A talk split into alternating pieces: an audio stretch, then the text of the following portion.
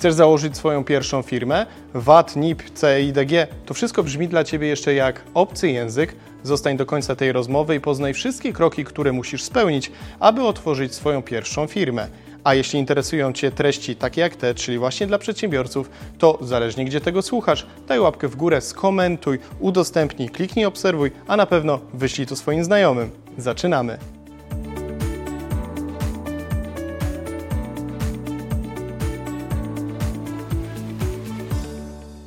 O tym, jak wygląda ścieżka od myśli, chcę założyć firmę, po komunikat, że Twoja działalność została zarejestrowana, opowie nam o tym pan Krzysztof Niemiec. Dzień dobry. Dzień dobry. Pan Krzysztof Niemiec jest doradcą podatkowym z wieloletnim doświadczeniem. Wcześniej pracował jako mm, pracownik administracji skarbowej. Pan Krzysztof prowadzi szkolenia, jest także współautorem książki Egzamin na doradcę podatkowego. Z tej wiedzy dzisiaj będziemy korzystać. Panie Krzysztofie, słowo się rzekło. Chcę założyć firmę. Co powinienem zrobić? Gdzie powinienem się udać? E, najpierw musi Pan e, zastanowić się, jaka to będzie firma, przygotować pewne informacje, przygotować dane, a następnie, mając już je zebrane razem, należy albo udać się do Urzędu Gminy, gdzie przyjmowane są wnioski o rejestrację e, działalności gospodarczej, tak zwany to jest druk CEIDG 1, lub można to go wypełnić i zarejestrować firmę poprzez y, internet, y, składając wniosek w formie elektronicznej. Mhm. Jak to powinno wyglądać? To znaczy, loguję się na jakąś stronę, idę właśnie do tego punktu. Czego potrzebuję do wypisania tego właśnie wniosku? Y, żeby wypisać taki wniosek, potrzebne są takie pana podstawowe dane, czyli imię, nazwisko, data urodzenia, wiadomo, data rozpoczęcia działalności. To jest kluczowa taka informacja, bo musi Pan już wtedy zdecydować, czy rozpoczyna Pan w danym dniu, w którym Pan chce pójść złożyć ten wniosek, czy jednak ta rozpoczęcie tej prowadzenia działalności będzie dopiero za kilka dni, czy za, nawet za miesiąc. E, tutaj jakby jest e, e, pewna elastyczność i od razu powiem, że lepiej jest rejestrować działalność nawet nie od pierwszego, tylko właśnie od drugiego, trzeciego dnia miesiąca, gdyż to ma wpływ na późniejsze składki zdrowotne. No ale potrzebuje Pan wypełnić kompletny wniosek do CIDG. E, wniosek e, zawiera takie, musi Pan złożyć tam podstawowe dane, musi Pan wskazać podstawowe dane. Pierwszą z nich jest miejsce prowadzenia działalności gospodarczej co nie należy mylić z miejscem siedziby, gdyż dla celów podatkowych i dla celów e, urzędowych miejsce zamieszkania jest miejscem pana siedziby. Tylko, że miejsce zamieszkania niekoniecznie, ono nie jest e, wykazywane w rejestrze CIDG. Jeżeli sobie wejdziemy na przeglądarkę CIDG, to tam mamy przedsiębiorców wymienionych, imię, nazwisko, nazwa firmy NIP, dane takie podstawowe. E, w tym mamy pod e, daną, e, daną dotyczące miejsca prowadzenia działalności. No nie każdy przedsiębiorca rozpoczynający prowadzenie działalności gospodarczej chciałby wiedzieć, chciałby pokazywać wszystkim dookoła, gdzie on faktycznie mieszka, prawda? Bo no, z różnych powodów to, to są dane takie informacje, które, których nie zawsze chce się udostępniać. No i wówczas powinien wskazać miejsce prowadzenia działalności. No oczywiście, żeby wskazać to miejsce, to musi być jakiś lokal. E, czy to wynajęty lokal, czy, czy lokal, czy tak zwane wirtualne biuro, chociaż z tymi wirtualnymi biurami to pewne problemy się pojawiają, szczególnie przy rejestracji do VAT, ale o tym myślę później będziemy też mm, e, rozmawiać. E, jakie kolejne informacje musi Pan posiadać, żeby zarejestrować działalność gospodarczą. Może Pan posiadać już skrzynkę na ePUAP.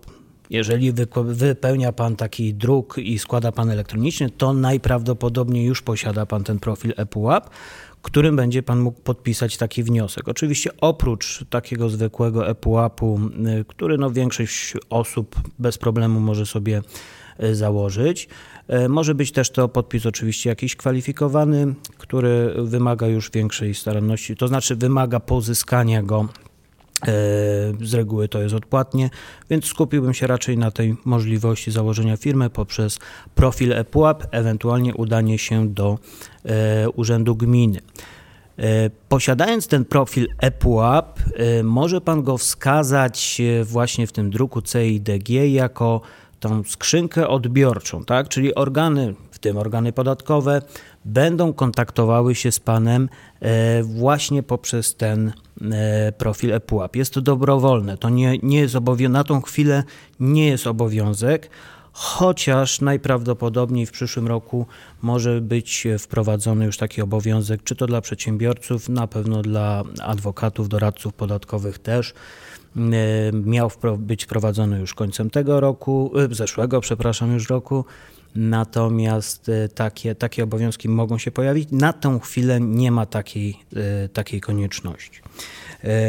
Tu w zależności, czy boimy się kontaktu z urzędem, czy raczej, że wolimy dostać pewne dokumenty w formie papierowej, e, no to e, albo podajemy ten numer e, skrzynki ePUAP, albo Państwo nie podajecie. Kolejnym krokiem jest firma przedsiębiorcy. I firma to oznacza nazwa, pod jaką przedsiębiorca widnieje w rejestrze CIDG. W przypadku osób fizycznych e, firma przedsiębiorcy musi się składać na pewno z imienia i nazwiska, czyli można powiedzieć e, Kamil Nowak i wystarczy, i to jest firma e, pana jako osoby, która zakłada działalność gospodarczą, albo można KN Kamil Nowak, tak, mhm. inicjały. Dowolne tutaj raczej nie ma problemów, oczywiście unikałbym jakichś obraźliwych zwrotów, no ale e, raczej tutaj jest dowolność i nie ma, e, nie ma większych problemów. E, no, oczywiście problemem jest samo wybranie nazwy, żeby ona była też spełniała swoje warunki jakieś marketingowo e, rozpoznawcze danego przedsiębiorcy, tak, wskazywała na kierunek, w jakiej branży on działa. Kolejnym uważam ważnym elementem we wniosku CEIDG jest e, wskazanie tak zwanych mm, e, przeważającej klasyfikacji działalności gospodarczej. Tak? Tu dużo przedsiębiorców ma, e, ma taki wewnętrzny problem. Nie wiem, spotkałem się bardzo często, że mm, rozpoczynają działalność, załóżmy działalność informatyczną, tak? Ale trafia się okazja, że może coś przedsiębiorca kupić, sprzedać, wiadomo, zarobić y, y, na pewnych rzeczach, na, na, na, na transakcjach właśnie handlowych, no ale ma problem, że nie, nie ma te... tego w PKD. Dokładnie. Mhm. I tu jest pewna blokada i sta... zaczyna się taki przedsiębiorca zastanawiać, czy on może wykonać taką rzecz, czy on y, nie powinien od razu zgłaszać, aktualizować druku, bo wiadomo, druk można, może podlegać aktualizacji. I ja bym tutaj e, uspokoił, bo moim zdaniem nie ma takiego obowiązku. Obowiązek jest wykazywany przeważającego zakresu prowadzenia działalności gospodarczej. Czyli jeżeli mm, e, ja jestem doradcą podatkowym, tak? E, I wskazuję ten główny, główny przedmiot prowadzonej działalności. Oczywiście mogę wskazać również inne formy, inne PKD, usługi księgowe, chociaż to jest połączone akurat, e, nie wiem, jakieś doradztwo biznesowe, tego typu rzeczy. Natomiast nie mając tego wykazanego w PKD, nie oznacza to, że ja tego nie mogę robić. Tak? E, oczywiście są pewne grupy branże, które wymagają specy, specjalnych jakichś zezwoleń, prawda? Handel alkoholem. No, w... Nie można sporadycznie sobie. Nie można sobie sporadycznie handlować. Y, pohandlować alkoholem. Do tego trzeba mieć koncesję, gdyż to wiadomo. Pod kątem podatkowym to też nie jest jakby problem, bo Urząd Skarbowy oczywiście opodatkuje taką transakcję, podatek od tego przyjmie, natomiast mogą się wiązać z tym inne konsekwencje, w tym jakieś kary nałożone za dokonywanie czynności bez y, specjalnych zezwoleń.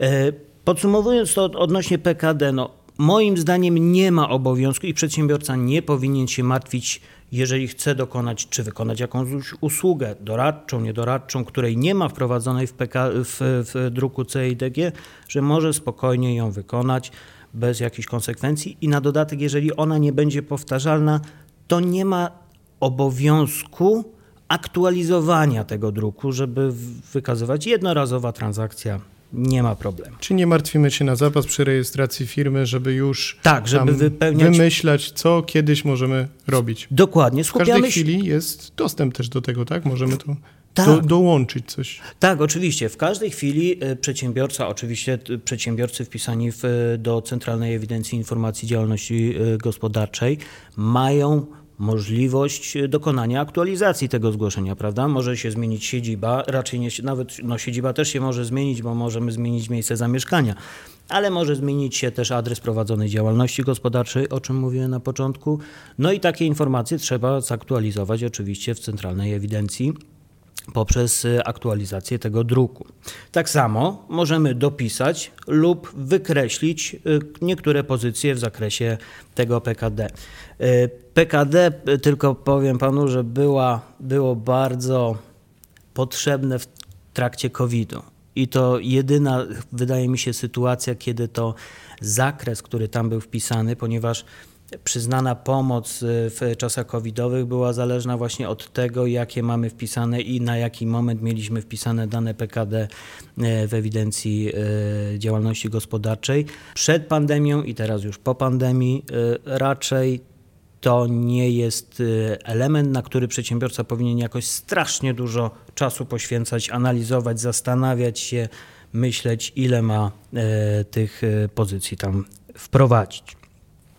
Oczywiście konieczne są dane do kontaktu. E, można ich one będą dostępne do, urzędu, do urzędów e, przesyłane, żeby urzędy mogły się z nami kontaktować, ale one też niekoniecznie muszą być u, ujawnione w CIDG, bo jeszcze żebyśmy e, się dobrze zrozumieli, ten wniosek to są dane, które później są ogólnie dostępne. Czyli jeżeli udostępnimy swój prywatny na przykład numer telefonu, bo jeszcze nie kupiliśmy jakiegoś numeru telefonu e, na firmę, prawda, nie mamy mm, e, jego zgłoszonego, to on trafia do ogólnodostępnej bazy. No i niestety bardzo często, czy adres mailowy, tak? I bardzo często się zdarza, że te dane, ponieważ one są publicznie dostępne, one są wykorzystywane do wydzwaniania przez y, przedsiębiorców, którzy chcą po prostu, prowadzą swoje akcje marketingowe, chcą nas do czegoś zachęcić. I tak samo nasza skrzynka mailowa zostaje niejednokrotnie zbombardowana. zbombardowana i zapchana, że później ciężko odnaleźć się, co w tym, co, co na tej skrzynce mamy. E, kolejnymi elementami to są inne adresy prowadzenia działalności gospodarczej. Jeżeli takowe będzie, mamy, będziemy posiadać, wiemy, że będziemy posiadać, ale to zasadniczo uzupełnia się dopiero w momencie, kiedy, no wiadomo, one powstaną, tak? I podajemy ich e, dane, e, zakres też prowadzonej w tych dodatkowych adresach działalności gospodarczych no, jaki będzie tam zakres. Kolejnym ważnym elementem mm, w zakresie e, rejestracji do centralnej ewidencji jest oskładkowanie, czyli ten ZUS. Tak się składa, że prowadzenie działalności gospodarczej i to zarówno w formie jednoosobowej działalności gospodarczej, i to zarówno w formie spółki cywilnej, ale także spółki jawnej, komandytowej, powoduje, że powstaje nam obowiązek w zakresie e, oskładkowania. Tak? Ważne, żeby rozróżnić tutaj na samym początku takie dwie, skład, dwie podstawowe składki. Tak dzielimy na ubezpieczenia społeczne i ubezpieczenia zdrowotne. One i niestety inaczej są kalkulowane, w inny sposób są rozliczane. I czasami może się zdarzyć sytuacja, że z ubezpieczeń społecznych jesteśmy zwolnieni, płacimy je w mniejszej wysokości, a niestety składka zdrowotna od dwóch już no, roku co najmniej jest, e, jest płacona przez większość przedsiębiorców i jest to jakby no w tym momencie można to nazwać parapodatkiem, tak, gdyż zależy od, y, od dochodu. Ale zaczynając swoją przygodę y, z działalnością gospodarczą, musimy podać kilka danych właśnie, czy podlegamy ubezpieczeniu ZUS, czy podlegamy ubezpieczeniu KRUS, czy mamy właśnie jakiś tytuł inny do ubezpieczeń, czy możemy z, y, społecznych, czy możemy z tych ubezpieczeń społecznych być zwolnieni. Kolejne pozycje, no to tutaj y, w druku CIDG możemy wskazać też y, przy aktualizacji, że zawieszamy tą działalność, ale to, to jest, gdyby coś wyszła taka sytuacja, zasadniczo jest tak, że otwieramy i raczej nie chcemy od razu zawieszać. I tego Wam oczywiście życzymy, żeby nie trzeba było zawieszać działalności, tylko wszystko ładnie, dobrze, zgodnie z planem E, się potoczyło. Dokładnie. E, kolejnym elementem są rozliczenia podatkowe. E, w druku musimy wskazać naczelnika Urzędu Skarbowego, właściwego dla nas. No to jest w miarę proste większość podmiotów, przedsiębiorcy, którzy rozpoczynają działalność gospodarczą, ustalą go w oparciu o miejsce zamieszkania, czyli tej siedziby, która nie do końca jest e, uwidaczniana, w, nie musi być uwidaczniana w ewidencji CIDG, czyli ten naczelnik urzędu, do którego już pewnie do tej pory jakieś dokumenty e, musieliśmy składać. To będzie ten nasz naczelnik urzędu, do którego będziemy następnie wysyłać deklaracje, ewidencje, no, w zależności co czy będziemy VAT-owcami, prawda, czy, czy, czy z, wybierzemy zwolnienie z VAT-u. Tutaj będzie różny zakres, ale w druku CEIDG jest ważna pozycja dotycząca formy opodatkowania. O tym myślę też y, będziemy później rozmawiać. Wskażę tylko, że są trzy podstawowe formy opodatkowania y, przedsiębiorców w Polsce. Y, są to zasady ogólne, czyli skala podatkowa, tak jak powiedzmy podobnie y, funkcjonujące jak w przypadku umowy o pracę czy umowę zlecenie. Jest podatek liniowy i jest ryczałt od przychodów ewidencjonowanych. Wybierając, y, rozpoczynając działalność gospodarczą, jeżeli Państwo już wiecie, jeżeli Pan już wie, że z którejś formy będzie chciał skorzystać, może Pan to tu zaznaczyć. Ale to nie jest obowiązek czy konieczność od razu na moment rozpoczęcia działalności czy składania dokumentu wykazać, w jakiej formie będziemy prowadzić działalność gospodarczą. Mamy tutaj czas do 20 dnia następnego miesiąca, żeby spokojnie podjąć decyzję e, i e, dokonać tego wyboru. Kolejnym elementem, który powinniśmy wskazać, to jest zawiadomienie, gdzie będą e, księgi nasze, no bo przetrzymywane, tak? Jeżeli mamy jakieś biuro rachunkowe, wskazujemy dane tego biura. Jeżeli będziemy prowadzić sam, wskazujemy adres naszego zamieszkania. Kolejnym elementem, o którym, z którym niestety musimy się z całym społeczeństwem podzielić, jest to, czy mamy wspólność majątkową małżeńską, czy nie mamy. To ma znaczenie w przypadku, gdyby pojawiły się jakieś problemy windykacyjne, to taka informacja jest e, wykazywana. Wtedy, e, no wiadomo, majątek e, odrębny małżonka jakby jest bardziej zabezpieczony i to też część przedsiębiorców dokonuje takiego wyboru, prawda? Dokonuje rozdzielności majątkowej przed rozpoczęciem działalności. No bo umówmy się, że działalność gospodar- prowadzenie działalności gospodarczej w Polsce może być ryzykowne. No, każde prowadzenie biznesu niesie ze sobą ryzyko. Dokładnie. Te osoby, które słuchają tej rozmowy, prawdopodobnie na to ryzyko już zaczynają się godzić, jeśli chcą.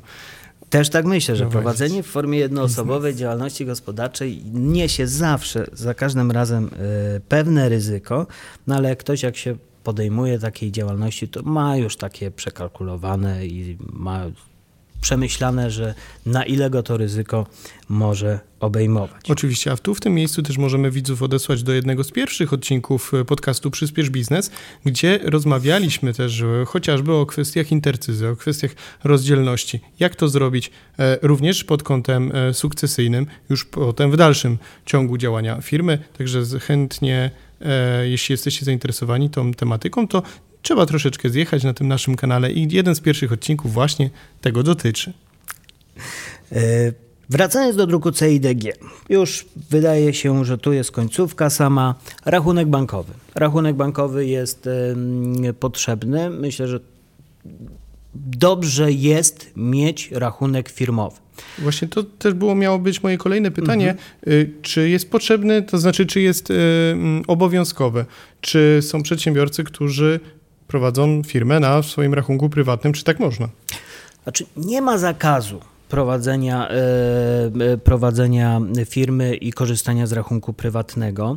Natomiast e, przy, to dotyczy raczej to dotyczy przedsiębiorców, którzy korzystają ze zwolnienia VAT. Bo jeżeli przedsiębiorca rejestruje się do VAT-u, to niestety tam są pewne ograniczenia. To związane jest z białą listą, z przelewami powyżej 15 tysięcy złotych one muszą być dokonywane już na rachunek bankowy e, przedsiębiorcy zgłoszony do właśnie tej, e, widniejący na tej białej liście.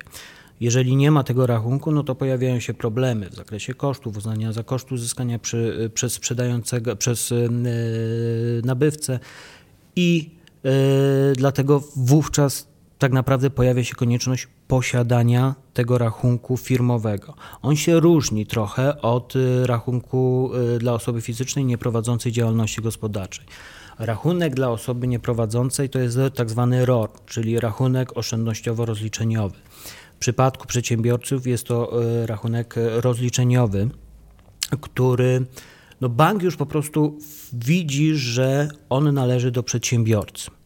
E, to też się wiąże na przykład z e, podatkiem belki, e, czyli jeżeli mamy jakieś, jakieś odsetki są wypłacane, to przedsiębiorca jest zobowiązany rozliczać je sam. Już bank wtedy nie, stanowi, nie pełni funkcję płatnika, nie ściąga tego podatku, tylko przedsiębiorca go sam musi wykazać i opodatkować. Natomiast przy RORze bank jest wtedy płatnikiem tego podatku, i to jest jedna z, z no może mała różnica, natomiast głównym powodem, dla którego jest dobrze mieć e, rachunek e, firmowy, jest właśnie ta biała lista, gdzie wymaga, i tu jest już wymagane, a także to, że Urząd Skarbowy może weryfikować przepływy pieniężne znajdujące się na rachunku wykorzystywanym do działalności gospodarczej. No nie każdy chce udostępniać Urzędowi Skarbowemu swoje prywatne e, wydatki, tak? Na co że był gdzieś, pojechał za granicę, płacił tam kartą swoją prywatną. Urząd nie o wszystkich e, tego typu transakcjach musi wiedzieć, a korzystając właśnie swojego prywatnego, jakby dopuszczamy już tutaj z automatu urząd do możliwości wglądu, co tam się na tym rachunku działa. E, ostatnim elementem jest e, druku CIDG jest możliwość ustanowienia, ustanowienia pełnomocnika, czyli osoby, która będzie widniała na e, w tym właśnie rejestrze CIDG będzie dostępna i będzie wiadomo, że ta osoba reprezentuje danego przedsiębiorcę. E, no przy czym w niektórych przypadkach, jak w przypadku kontaktów z organami podatkowymi, wymagane jest dodatkowe jeszcze inne e, upoważnienie pełnomocnictwa.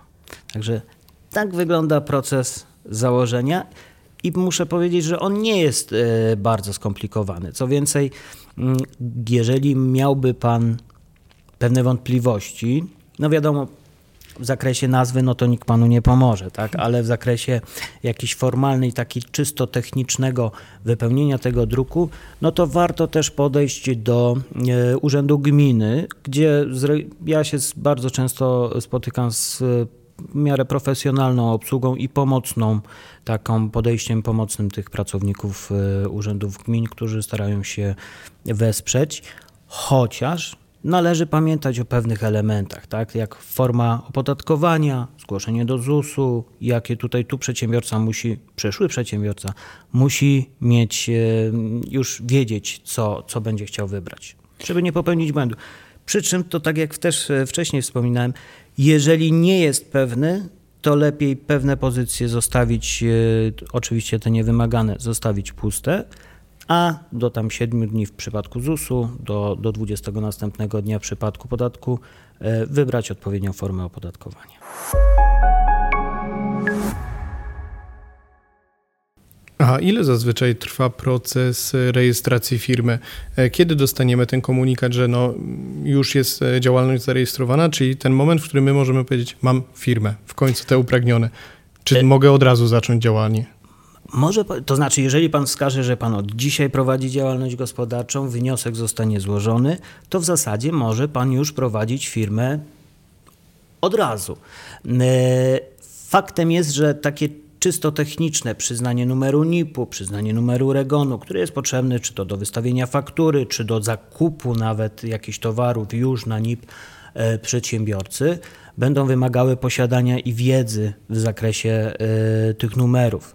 E, zresztą systemy informatyczne, tak są systemy księgowo-handlowe, tak są skonstruowane, że one zaciągają dane z e, GUS-u.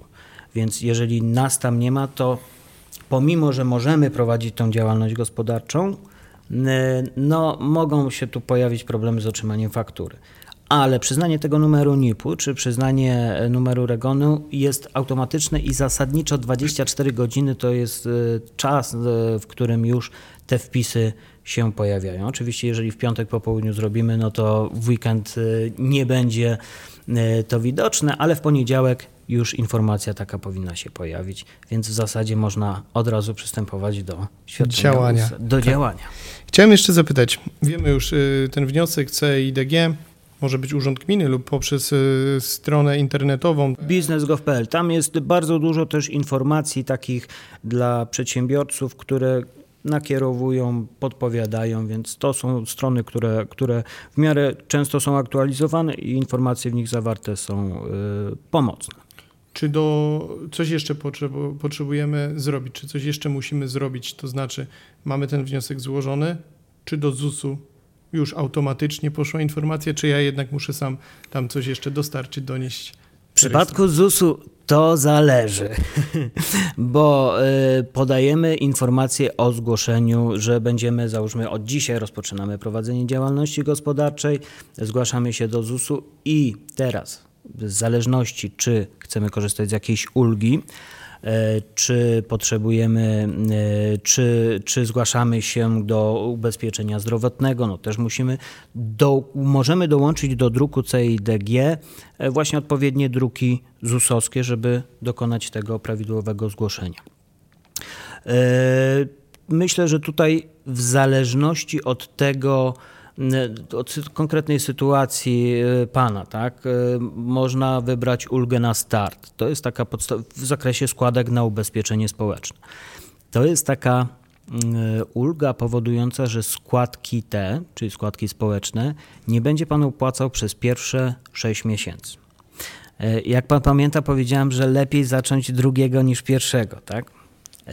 W przypadku właśnie składki i korzystania z tej ulgi na start, rozpoczęcie prowadzenia działalności drugiego dnia danego miesiąca powoduje, że ulga obejmuje 6 pełnych kolejnych miesięcy. Czyli de facto zyskujemy prawie cały miesiąc na, e, bez e, obowiązku opłacania składki na ubezpieczenie społeczne. E, No a tak to już byśmy musieli e, trochę wcześniej. Dlatego jeżeli zastanawiałby się pan, to nie spiesz. I to jest miesiąca. taka ważna wskazówka. Y, Na pewno więcej takich ciekawych wskazówek będzie w kolejnych rozmowach, y, które z panem Krzysztofem e, przeprowadzamy. Będziemy przeprowadzać i publikujemy na kanale Przyspiesz Biznes. Także tyle w tym odcinku. Panie Krzysztofie, bardzo dziękuję. Dziękuję również, dziękuję państwu. A Tobie, słuchaczu, dziękuję za wysłuchanie tej rozmowy do końca. Jeśli interesują Cię takie treści, czyli przydatne, potrzebne e, świeżym przedsiębiorcom, tym osobom, które dopiero otwierają działalność, to zachęcam Cię do wysłuchania innych rozmów na kanale Przyspiesz Biznes. Do usłyszenia i do zobaczenia.